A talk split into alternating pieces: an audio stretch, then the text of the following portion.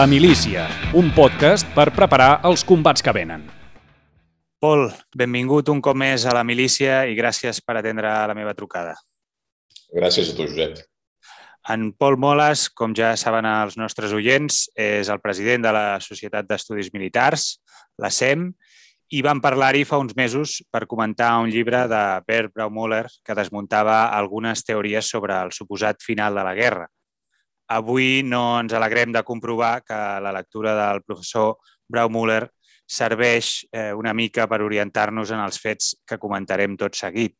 Gravem aquest programa que per força doncs, té una data de caducitat eh, inevitable, curta, eh, el dimecres a la nit, mentre la invasió russa d'Ucraïna continua avançant, i per això doncs, agraeixo especialment al Pol que hagi accedit a parlar amb la milícia tenint en compte doncs, que a hores d'ara la situació és, és poc clara, que, que va evolucionant i que, a més, doncs, estàs pendent de, de les informacions que ens arriben d'Ucraïna a través de les quals doncs, també has anat recopilant les dades i, i les has anat explicant en el teu compte de Twitter en el, en el dia a dia, en el progrés de, de com va evolucionant aquest conflicte.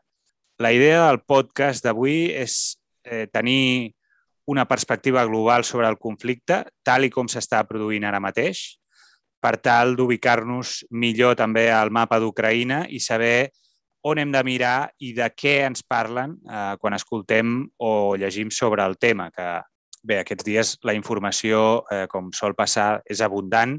Eh, hi ha un, un excés d'informació, eh, els sentiments també estan a flor de pell i, per tant, eh, aquesta, aquesta conversa m'agradaria que, que servís una mica per, per aclarir idees eh, i per poder tenir un, una perspectiva, doncs això, eh, una mica àmplia i una mica aclaridora.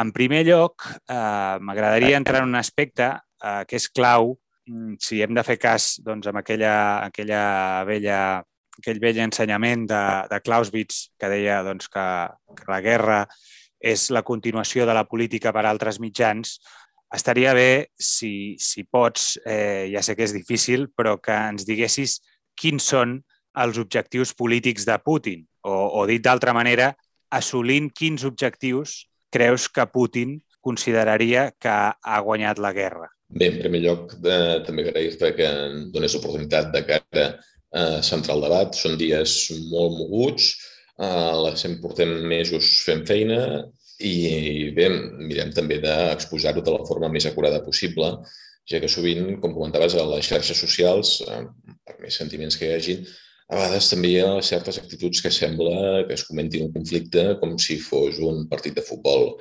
i, evidentment, així no són, no són les maneres d'abordar-ho. En tot cas, a la teva pregunta de quins són els objectius, més que centrar-ho en la figura de Putin, eh, hauríem de mirar, eh, d'entendre la cultura estratègica russa. És a dir, la seva percepció del, del món i, en aquest cas, com enfocar, eh, com enfocar l'estratègia a llarg termini. Pensem, doncs, que Rússia, per la seva, la seva geografia, eh, és un espai molt obert en què mai ha tingut eh, fronteres naturals en bona part del seu territori. Per tant, això l'ha exposat, eh, exposat a invasions de forma reiterada. Per exemple, des del segle, el segle XVIII eh, ja va haver la, la, la guerra amb, amb l'imperi suec, al segle XIX la guerra contra Napoleó, i al segle XX les dues guerres mundials. Tot això deixa un pòsit. Per tant, el plantejament estratègic rus és el de buscar zones d'esmorteïment amb les quals la invasió, a la seva percepció, donen per descomptada, això no vol dir que s'hagi d'esvenir, però tenir aquestes zones d'esmorteïment que els hi permetin guanyar temps i canviar espai per temps de forma que es puguin reorganitzar i llançar la contraofensiva. Aquest això, és l'enfocament estratègic rus. Perdona que t'interrompi. Uh, això, sí. Aquestes zones d'esmorteïment són el que en, en, bueno, com que sempre ens arriba també en vocabulari anglès, això serien les zones buffer, diguéssim. Exactament, és això, sí. Uh, L'imperi rus i posteriorment la Unió Soviètica van, uh, van treballar en aquesta, en aquesta línia, és a dir, d'aconseguir aquestes zones d'esmorteïment. Què passa? Que sobtadament, a la, amb, la, amb la fita de la Unió Soviètica, aquests, eh, bona part d'aquestes zones, és a dir, els Bàltics, Bielorússia i Ucraïna, deixen de, de, de formar-ne part. Aleshores, també s'ha de dir, clar, això, des de la, si ens ho mirem des d'una perspectiva, des de la perspectiva russa, té sentit, però clar, l'estratègia no deixa de ser una cosa dialèctica, com la guerra. Si tu ets dels que està a la zona d'esmorteïment, òbviament no et fa gaire gràcia. Pots tenir, eh, pots tenir més o menys afinitats, però clar, si se suposa que la, la teva funció és parar cops, doncs clar, no, no és una perspectiva gaire encoratjadora. I això més enllà del fet dels arguments culturals de, de que, es, que es puguin argumentar de, de les afinitats entre eslaus, entre, entre Rússia i Ucraïna, etc. Tornant a la pregunta, els objectius eh, llarg termini de, eh, de Rússia, eh, més enllà de, de Kimani, seria eh, restablir aquesta zona. En el cas de Bielorússia, de facto ja ho han aconseguit, perquè per més que nominalment eh, el president de la República de Bielorússia sigui, sigui Lukashenko, a nivell militar la, la Unió ja és, un, ja és un, i és un fet consumat. Tanmateix, Ucraïna anava en una altra direcció i, amb la, malgrat les, els diferents, les diferents perspectives internes, el, la cosa es va aguditzar i amb la, amb la revolta del Maidan i posteriorment la guerra al Donbass, doncs això encara es va, es va ativar més.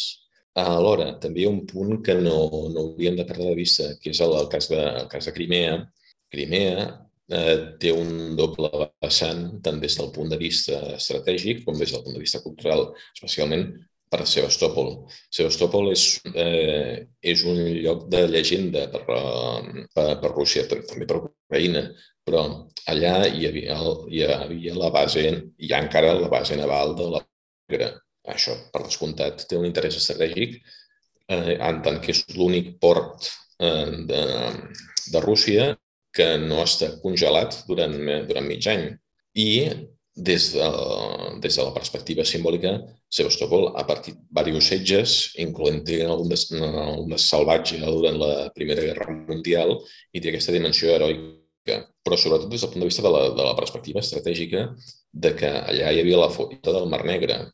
Fixem-nos que amb l'inici de, la, de la guerra del 2014-15 Crimea cau ràpid i de forma gairebé incruenta després de l'Osser al Donbass, però aquí hi havia un interès justament quan això, quan això esclata eh, era quan faltava molt poc perquè s'acabés per ús eh, un partit de la zona, de la zona del, de, de, del port de Sebastopol.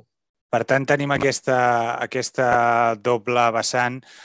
Clar, eh, quan, quan s'afronten quan es, es llegeix a la premsa o quan es veuen certes anàlisis, eh, hi ha com les dues hi ha les dues perspectives que jo diria que una és, té més a veure amb el que, amb el que deies tu, eh, que seria en un sentit més, diguéssim, a llarg termini o a nivell més estratègic de tal com eh, Rússia, eh, diguéssim, eh, veu el món, no? en el sentit de que necessita aquestes zones d'esmorteïment i, i que, per tant, doncs, a Ucraïna, a més a més, doncs, eh, té un, un valor ja no només eh, estratègic, sinó que, a més a més, doncs, hi ha un, uns, uns, una cultura compartida, hi ha, hi ha una història compartida, etc.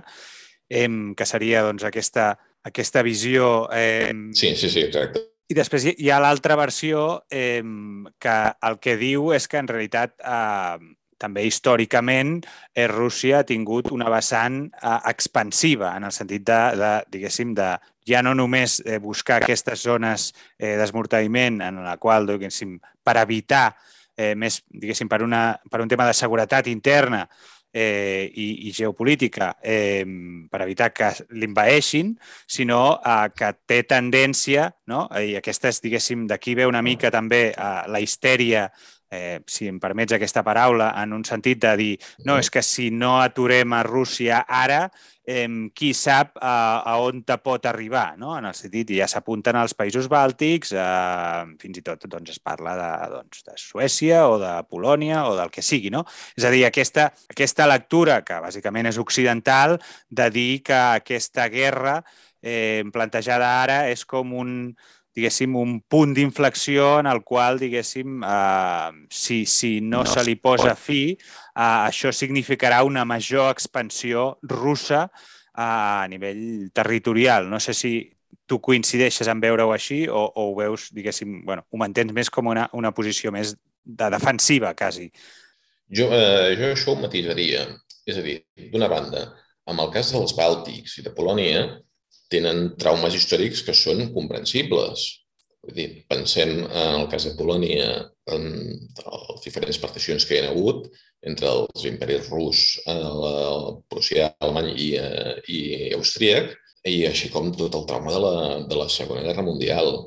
Aquestes coses deixen pòsit. Uh, així com també els països bàltics, tres quarts del mateix. Vull dir, percentatges enormes de les poblacions van ser deportats a Sibèria més el període d'ocupació nazi i després l'altre cop, l'altre cop soviètic. Amb la qual eh, això deixa un pòsit. Val a dir que jo no crec que Rússia s'atrevís a atacar països de l'OTAN. És dir, sap, eh, sap quins són els seus límits.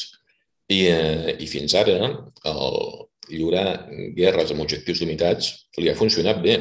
En el cas del, en el cas del Donbass, obrint i tancant l'aixeta és a dir, passant de conflicte d'alta intensitat a desescalar-lo, li ha funcionat bé. Operacions com la de, com la de Síria doncs, li han comportat ser rèdits, com assegurar un règim, un règim eh, que és un estratègic i alhora li dona, li dona port a la Mediterrània, i aquest tipus d'operacions doncs, han funcionant. Ara bé, el, el sentit estratègic rus, jo no ho veig perquè són conscients de les seves limitacions lliurant una guerra eh, que impliqués l'entrada, la, la, la intervenció de l'OTAN, seguint amb el matís. En el cas dels que, països europeus que no se noten, com Suècia i sobretot Finlàndia, també, també el, el, trauma que, el trauma que mencionaven. Clar, Finlàndia ha lliurat dues guerres sagnants des de la guerra d'hivern del 39-40 i després de la guerra de continuació, submitjament a la Segona Guerra Mundial, en què va anar de poc marge que no perdran contra la Unió Soviètica i això pesa en, la, en també la cultura estratègica finlandesa. Per tant, sí, pot haver una part d'histèria, però hi ha una part també de fonament amb el que són els veïns immediats de, de Rússia.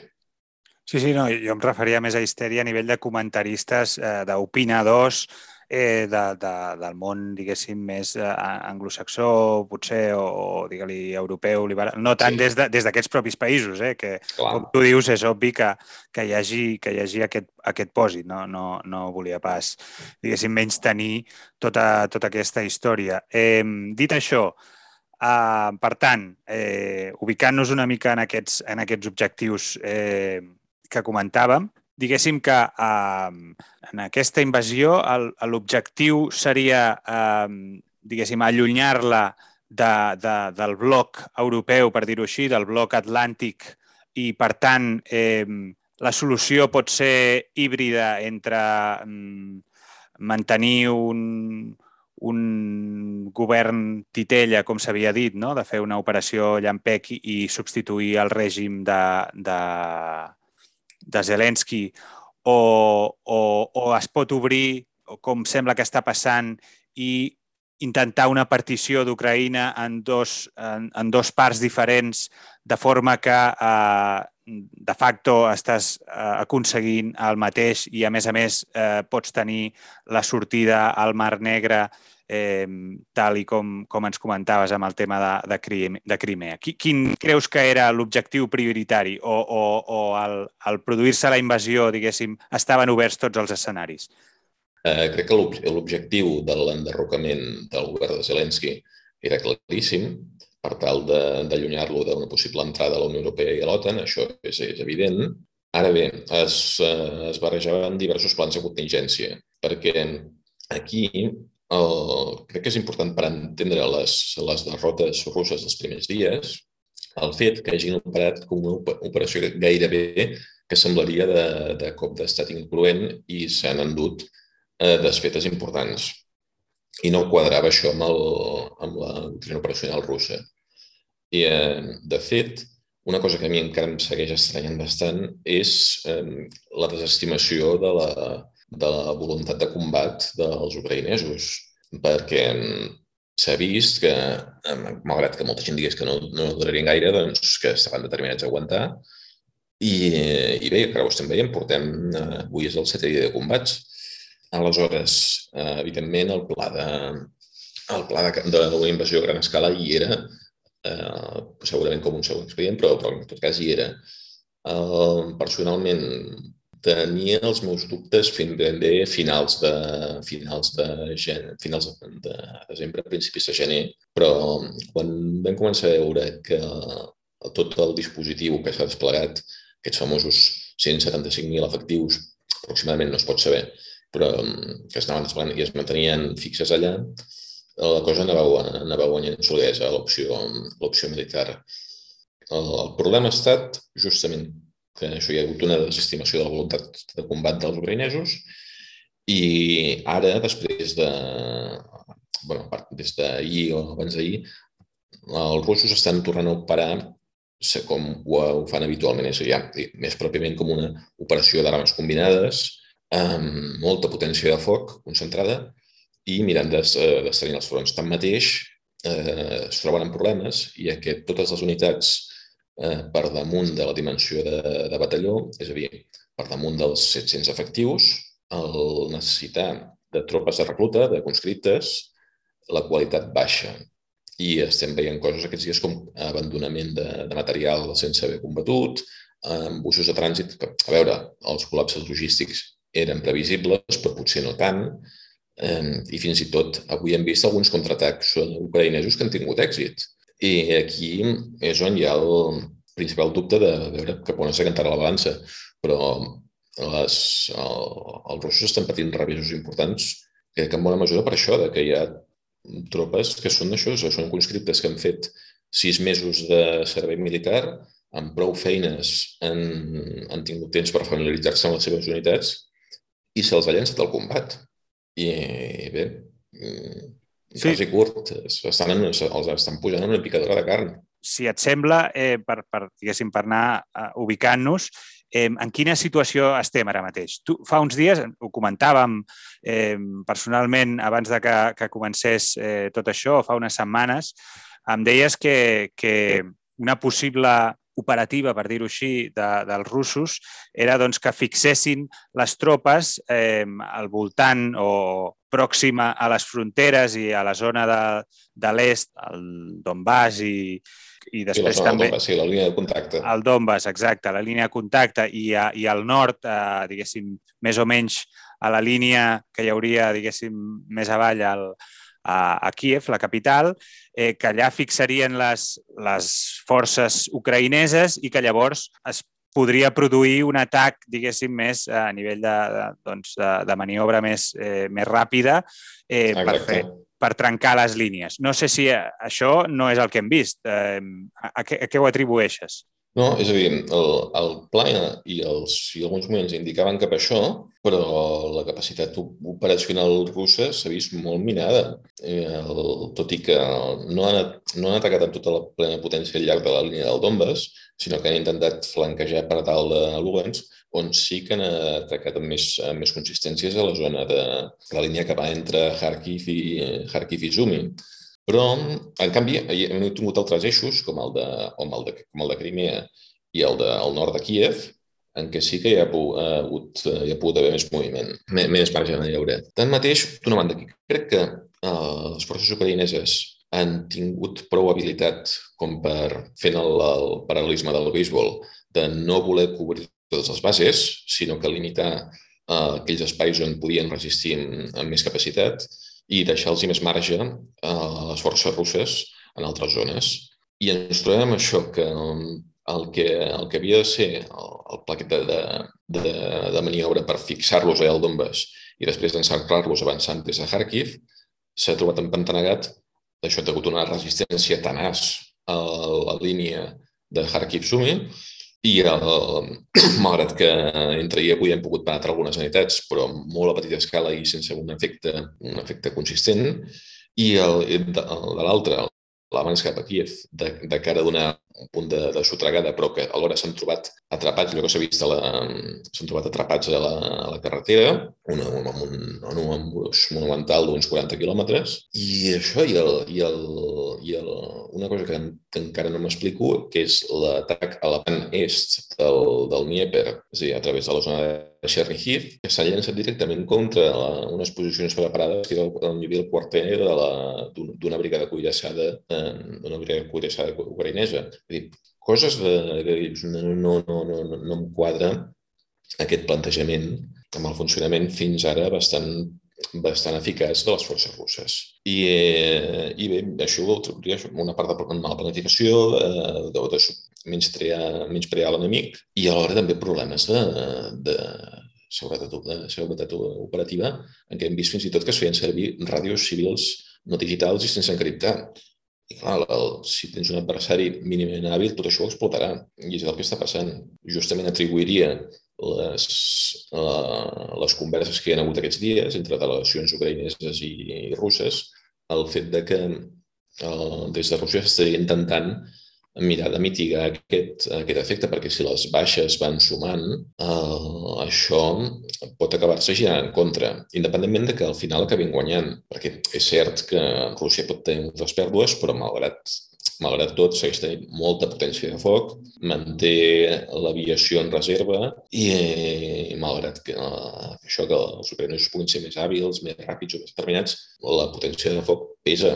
Mm, però així tot, mm, les pèrdues no crec que fossin les que s'esperaven. Hi, ha, hi ha una sèrie d'aspectes que, que tant tu com altres, doncs, altres persones que, que heu comentat i que heu anat doncs, això, observant el que, el que està passant allà, doncs destacàveu com a, no sé si dir-ne curiositats, però com a estranyeses. Eh, també, eh, pel que fa al que deies ara, la, la força aèria eh, s'ha utilitzat molt poc. Eh, això, d'altra banda, és habitual en, en, el, diguéssim, en el curs mm, de, de, de les operacions russes. Eh, és, és habitual que no sigui tampoc un dels puntals de, de les seves operacions, la, la força aèria, o, o creus que hi ha alguna explicació que, que subjau en, en, sí. en aquest conflicte en concret? Sí, dues consideracions. Uh, primer, a nivell, de, a nivell operacional, uh, Rússia, uh, a diferència d'Occident, uh, recolza molt més a l'artilleria que a l'aviació de cara a donar foc de suport a les unitats en combat. És a dir, es calcula que aproximadament un 60% de les missions de foc de suport les cobreix l'artilleria, mentre que l'aviació se n'encarrega un d'un 30%. Ah, I la resta altres, altres serveis.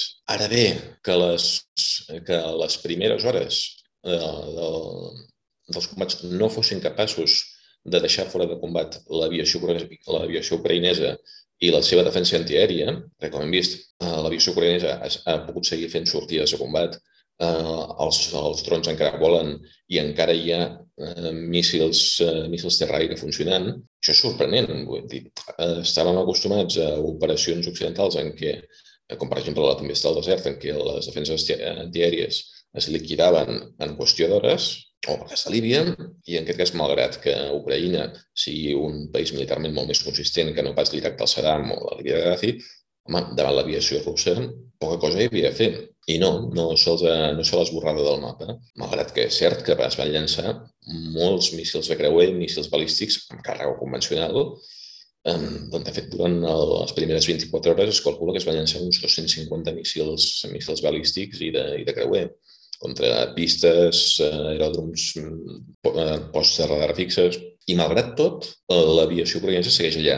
I és com si estiguessin anant a l'aviació russa amb el fre de mà posat i no entrant en tota la seva potència.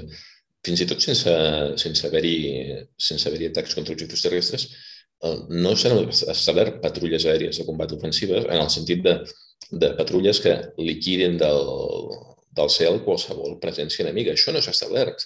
No hi ha una, una zona d'explosió aèria en què l'aviació la, sigui, sigui preponderant. L'aviació corregent segueix operant i és, és una cosa molt, molt sorprenent. Potser hi entra el fet de que la, també de que una aproximació més conservadora, ja que l'aviació russa ha costat molt de refer en aquests darrers, eh, aquests darrers 22 anys de, de la Putin i, i així tot encara té, té problemes i, i costos. Potser hi ha una aproximació més conservadora en aquest aspecte, però francament és, és sorprenent, és sorprenent que l'aviació russa tingués problemes. Val a dir també un punt que sovint es, es desmereix en, o, o no, es, uh, no es mira prou en l'aspecte de les operacions aèries, que és el tema del comandament i control. En aquest aspecte, les forces aèries de l'OTAN i especialment la nord-americana cuiden molt el tema, del, el tema de la cua, és a dir, dels, de, dels serveis de suport. I, per exemple, a la, perquè se'n facin una idea els oients, a la, a l'operació de Tempesta del Desert del 1991, un dels principals problemes va ser mantenir la coordinació dels centenars d'avions d'avions que hi havia allà. Potser un dels problemes que s'està trobant és que no tenen aquest sistema de comandament i control tan desenvolupat per poder mantenir tants aparells a l'aire. Eh, això és problemàtic, no és un tema menor. I, i alhora, si retrocedem també el, no perdem de vista la guerra de Síria. A Síria s'ha utilitzat munició en quantitats, en quantitats notables i, clar, els estocs no es reomplen d'un dia per l'altre. Eh, això també els, no els ha passat només als russos, també els ha passat als nord-americans. Una de les primeres coses que va fer el secretari de Defensa, James Mattis, quan va entrar, quan va entrar com en, en el càrrec el 2000, 2016, va ser eh, parar determinades comandes de projectes nous i reomplir els estocs de munició. És una de les possibilitats que, de les coses que li pot haver passat a, a l'aviació russa. Tot això com a, com a hipòtesi. Eh?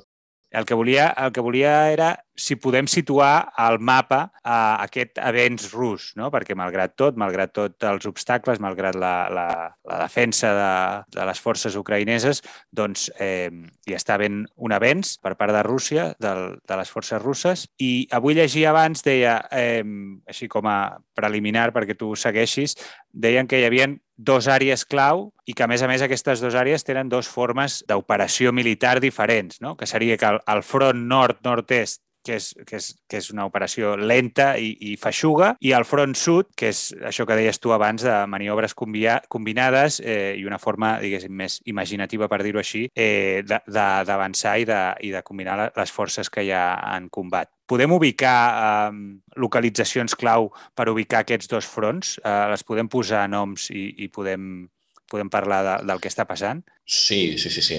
Aquí, en aquest moment, seria útil que els oients uh, agafin alguna aplicació d'imatgeria de, de mapes, el Google Earth o el Google Maps mateix, sempre, sempre és prou útil tenir un mapa davant quan es comenten les coses. Aleshores, anem doncs del front nord. En Kiev, no ho, per, no ho perdem de vista, és una ciutat de gairebé 3 milions d'habitants. Si afegim la seva àrea metropolitana ja els depassen. Prendre Kiev mm, és, és una, tasca, una tasca titànica.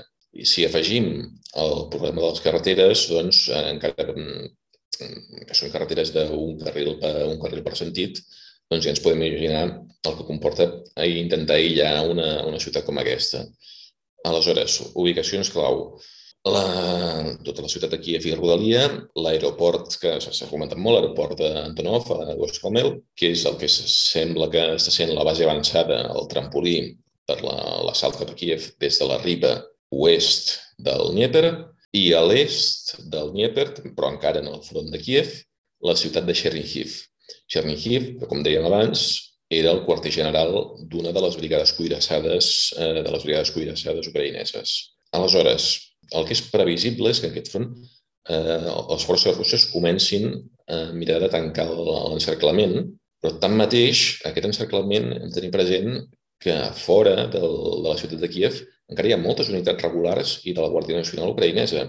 És a dir, les forces russes es veuran utilitzades des de, primer, des de dins de la ciutat, però també des de fora. I, i ja ho veurem com acaba el tema del, del previsible setge de, de Kiev ho veig, ho veig cada cop més complicat. Aleshores, l'altre front, el front sud.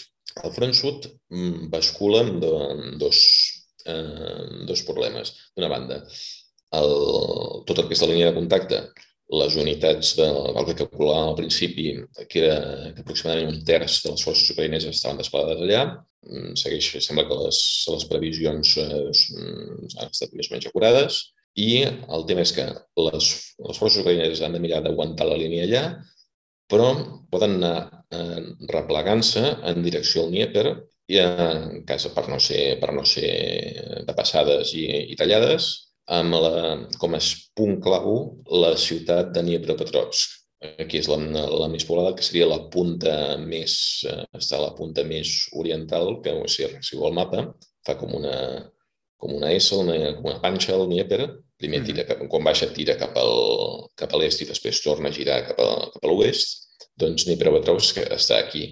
Eh, també una mica més al nord, al nord-est, hi ha la ciutat de Poltava. Poltava, per cert, escenari de, de la victòria russa contra Carles XII el 1709, Carles XII de Suècia, el que parlàvem abans de la cultura estratègica russa, doncs Poltava pot servir com a punt de replegament en cas que la ciutat de Kharkiv caigui. Ara com ara, el front, eh, el front nord-est, el front de que fan l'eix de les ciutats de Sun i Kharkiv, està aguantant prou bé, i, però justament per això sembla que les, eh, les forces russes estan eh, invertint en potència de foc allà per tal de poder trencar el front. El, és cert que algunes unitats han aconseguit penetrar-lo, però ara, ara com ara, són penetracions irrellevants, no és una ruptura del front a gran escala. Però així tot, en cas de caiguda eh, d'aquest eix, es poden replegar en direcció a Poltava. I també les forces del sud, de les forces al llarg de la línia de contacte, es podrien retirar en direcció a Dniepropetrovsk. Mentrestant, també no ens ho hem deixat, la ciutat de Mariupol.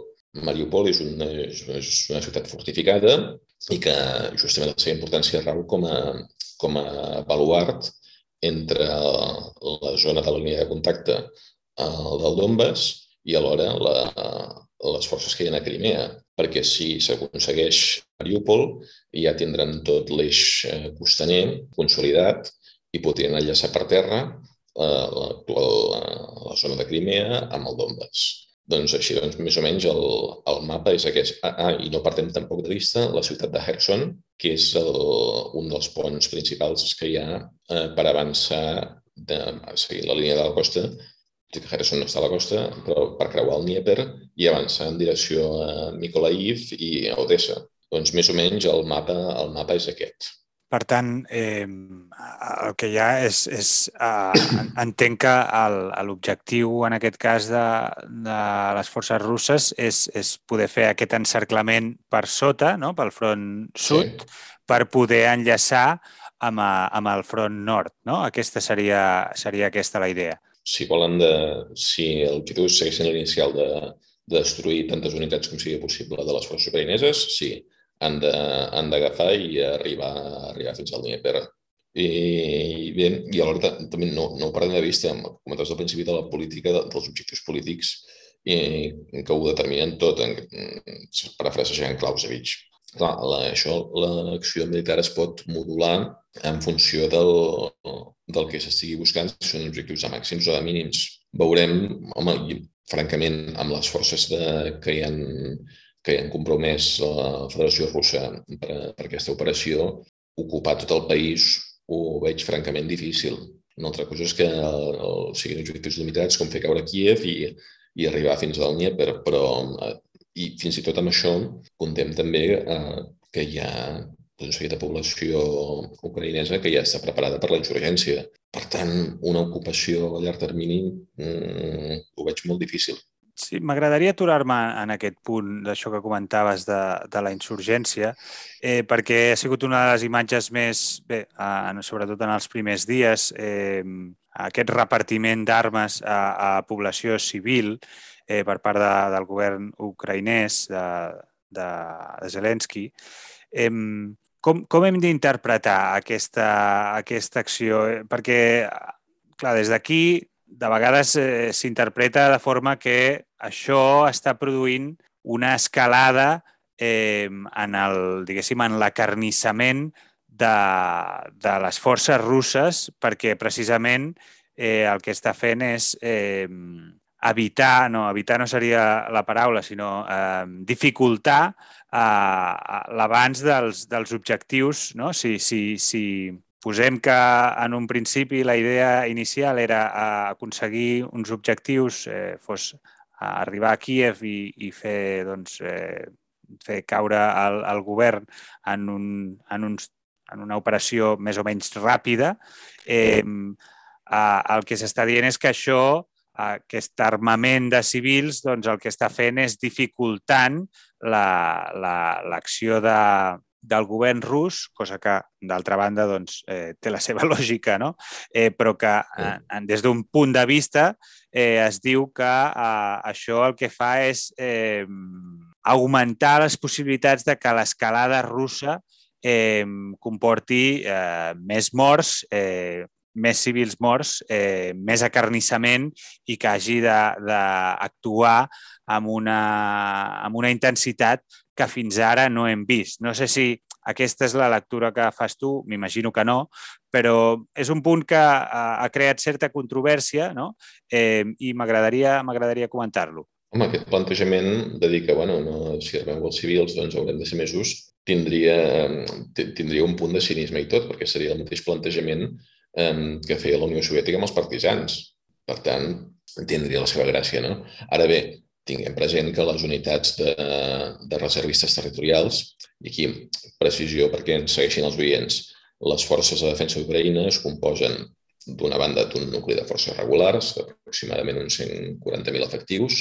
Després hi ha una reserva dels que han fet el, el servei militar, eh, que pot ser uns 300.000 ben bé o potser més, i després hi ha el que són la, les unitats de defensa territorial, que són, bueno, tal com el nom, unitats de, de milícia que serveixen uns, una o dues setmanes a l'any, en reben entrenament, ara els han, els han intensificat, però que estan pensades justament per això, per defensar punts concrets i, eh, i, en, i en cas d'invasió, doncs, eh, centrar-se en aquests punts i optimitzar, el, optimitzar els recursos que no deixa de ser un plantejament que s'ha fet llarg de la història i a la pròpia Unió, a la pròpia Unió Soviètica.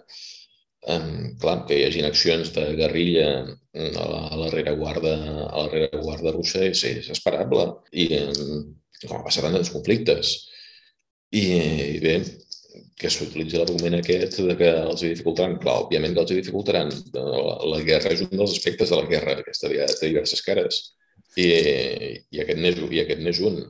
Sí, Dic, clar, jo, jo fins i tot eh, em preguntava si realment, vull dir que aquestes imatges eh, al final també tenen un, un punt de, bueno, com, totes, com tota la, la informació eh, que, emet, que emeten els governs. No? Avui, precisament, doncs, teníem aquesta dissonància entre les xifres de, de morts eh, de militars morts de, de l'exèrcit rus que donava el govern ucraïnès i les que reconeixia oficialment eh, al govern rus, no? que era una diferència de, doncs, de 10, una proporció de 10. No? Em sembla que eren 500 els que reconeixia, al voltant sí. de 500 els que reconeixia el govern rus i al voltant de 5.000 els que deia el govern ucraïnès. No?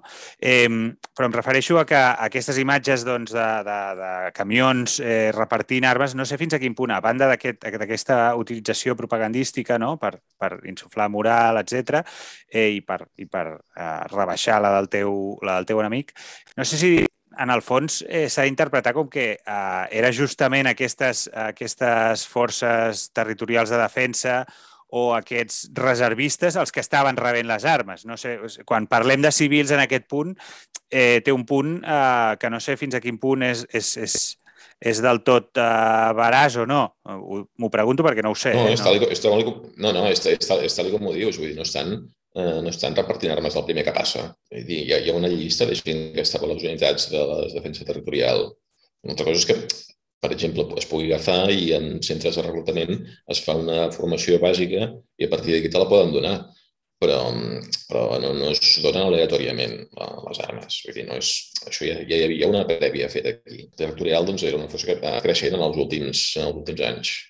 Aquí, eh, ja, que, ja que hi som, hem parlat bastant de, de l'ofensiva. Eh, M'agradaria parlar també de, una mica de la situació de l'exèrcit ucraïnès, perquè, com deies, eh, doncs porten molts anys, eh, diguéssim, amb experiència de foc, a més a més, i doncs eh, al final en els últims, precisament des de 2014 a 2015, doncs eh, la despesa en defensa eh, doncs, eh, no tinc les dades aquí, però eh, crec que l'altre dia ho llegia doncs, que ha augmentat moltíssim. No? I, per tant, eh, no sé si això també juga una mica en allò que comentàvem al principi, en el fet de que potser, eh, diguéssim, a l'hora de, de fer les previsions o a l'hora de, diguéssim, de, de la resposta que esperava Rússia, aquest factor, el factor de, diguéssim, de, de, de, del creixement ja no només eh, quantitatiu, sinó qualitatiu de, de l'exèrcit ucraïnès, doncs ha deixat a, a a la part russa una mica en fora de joc. Um, sí, en bona mesura. Així, així tot, uh, és, és tal com ho dius, eh? l'exèrcit uh, ucraïnès ha uh, incrementat les seves capacitats um, i, i, i també en material moltíssim tant en material com en l'aprenentatge, la, la formació, tot, tot plegat ha millorat en tots els indicadors. Ara, jo segueixo tenint els meus dubtes que els serveis d'intel·ligència militar russos això no ho haguessin previst és una cosa que no, no em quadra. És que, més, i més enllà de l'eficàcia de dels, dels serveis d'intel·ligència russos, també hi ha un aspecte que, a veure, culturalment els, eh, els ucraïnesos i els russos no són tan distants. Per tant, per un analista de defensa rus, no li ha de ser gaire difícil d'entendre com pensa un ucraïnès. Per tant, crec que els errors estan estat més a nivell polític que no pas dels serveis d'intel·ligència militar russos. Però vaja, això ho veurem amb el, ho veurem amb el temps. Ara, com deia, sí, l'exèrcit ucraïnès ha millorat molt i ha après molt de la, de la guerra del Donbass del 2014-15. Eh, per exemple, eh, hi ha casos, un dels casos de referents eh, de, de derrotes de les ucraïneses va ser el, el maig del, el maig del 14, eh, si no recordo a Selenopilia, en què eh, una, dos batallons eh, ucraïnesos van ser deixats fora de combat senzillament perquè primer els van tallar les comunicacions i van cometre l'error de posar-se tots a parlar pel mòbil i a partir d'aquí van delatar les seves posicions a l'artilleria russa que els va vaporitzar en qüestió de, de 5 minuts. Eh, estem parlant d'unes forces, forces que van deixar eren un parell de batallons i això en 5 minuts els van deixar fora de combat. Eh, va ser el cas més espectacular. I a partir d'aquí, en base d'aprenentatge per, la, per la via dura, doncs les forces ucraïneses han millorat, han millorat molt. I bé, ens, ens trobem això, que poden donar molta, molta, molta guerra. Bé, doncs eh, sí, ja que, que dius això, eh, una mica hem fet un repàs així general. Eh, si si t'ha quedat alguna cosa en el pap, doncs tindrem temps encara de dir-ho, però sí que voldria aquesta part final que ens queda ja de, de la nostra conversa, eh, doncs que féssim això una mica de, de, de previsió sobre com creus que pot avançar. Eh, en aquest cas, menys que mai, eh, no voldria fer política ficció, en aquest cas guerra ficció, perquè estem parlant de, de vides humanes i, i per tant, doncs, no, no, no és això el que voldria, sinó simplement tal com s'estan desenvolupant les coses, què creus que en els propers dies, no et faig anar molt més enllà, eh, es pot produir, tenint en compte, a més a més, eh, que hi ha unes reunions eh, previstes, unes reunions eh, de negociació entre les dues parts eh, previstes per demà mateix, diria, entre sí. a Bielorússia, a prop de la frontera amb Ucraïna, eh, entre les dues delegacions i, per tant, doncs, que això també, evidentment, té, fa, fa pinta doncs, de que, doncs, que pot tenir la seva importància. Per tant, simplement, si tu creus que hi ha algun, algun detall que, en què seria bo que ens hi fixéssim en les properes hores, en els propers dies, eh, alguna, alguna idea que, que creus que valgui la pena eh, retenir per això, eh, per eh, llegir millor, eh, per entomar millor la, la informació que anem rebent. Jo crec que el que ens, hem, ens podem fixar per a l'hora de marcar tendència, de, de, de, patrons d'evolució de, que ens puguin donar alguna, alguna pista, és hem, hem vist una intensificació dels bombardejos, també sobre, sobre, sobretot sobre nuclis urbans. Com més veiem que s'intensifica la potència de foc, artilleria, fins i tot aviació, possiblement sigui un, un signe de que més desgast han patit les forces russes independentment de que després eh, acabin aconseguint una ruptura del front o no. Que ara com ara poden aconseguir-lo, però no vol dir que no això acabi una derrota ràpida de les forces ucraïneses. Per tant, jo seguiria més això. Eh, com, més, eh, com més veiem que hi ha aquest, aquest punt de la destructivitat de la, de la guerra, més possiblement eh, estarem trobant en què la, la, les forces russes estan més habilitades. Eh, ara, Rússia pot posar molta, pot, pot encaixar moltes, moltes i moltes baixes. I, per cert, no oblidem que en el càlcul també entren els bielorussos, eh, que ja han compromès unitats a l'ajustament del front de Chernihiv. Mm, a partir d'aquí la cosa es pot allargar. Sí. Amb, el, amb, el, amb, el, amb, el, amb, el, amb el drama que això suposa, evidentment, per la, tota la població que ho està patint. I també, a la també, una cosa que em sap especialment greu és, és el, el munt de reclutes que no sabien on anaven i que, i que s'han trobat aquí, doncs mira, el que dèiem abans de la picadora de carn. Per tant, eh, creus que eh, es pot allargar? El, el conflicte no té pinta de que, de no. que es pugui resoldre en, en pocs dies. No, jo ben bé situaria encara un marge de un marge d'una i dues, una o dues setmanes en aquesta intensitat. Bé, no, òbviament, doncs, eh, és, una, és una mala notícia, eh, però sí que, eh, sí que doncs, pel, que, pel que es va veient, eh, avui, per exemple, doncs, hem anat eh, comprovant això que deies, no? eh, que hi ha potser una major intensitat en, en descàrregues eh, d'artilleria, en, en en algun bombardeig, eh, eh, com deies, és, és un símptoma de que justament es pot, això pot fer que, que, que duri més en el sentit de que, de, doncs de que, que Rússia eh, ho té més eh, difícil del que es pensava a, a, en un principi. Sí, sí, efectivament, crec que va, va per aquí. Que, de fet, si ho haguéssim fet des d'un bon principi, potser que haguéssim aconseguit alguna ruptura, però així tot mm, ho, tenen, ho tenen difícil i, i està clar que els ucraïnesos, i, i més després dels triomfs inicials de resistència, encara plantaran més cara. Doncs ens quedem amb aquesta idea, eh, anirem, anirem seguint, per desgràcia, a, aquesta, a aquesta, a aquest conflicte, eh, perquè sembla que, doncs, malgrat esforços diplomàtics que, que es puguin fer, doncs sembla que no, que no té una resolució propera i bé, esperem que, que tant de bo eh, no sigui així, però si s'allarga en el temps, doncs eh, potser haurem de fer una segona part eh, amb tu, Pol, no sé si hi estaràs d'acord, per, per poder seguir comentant i poder, sí, i poder seguir analitzant eh, el que està passant a Ucraïna. Pol, bona nit. Eh, aquest programa entenc que s'emetrà el més aviat possible i, i així doncs, els nostres oients, eh, si més no, eh, podran, podran estar eh, nosaltres podrem estar a, a la, a, en sincronia al màxim possible amb el que, que puguin estar veient i observant a, als nostres oients. Moltes gràcies i, i fins la propera. A tu, bona nit, moltes gràcies. I als oients, eh, doncs el mateix. Eh, fins a la propera i, i gràcies.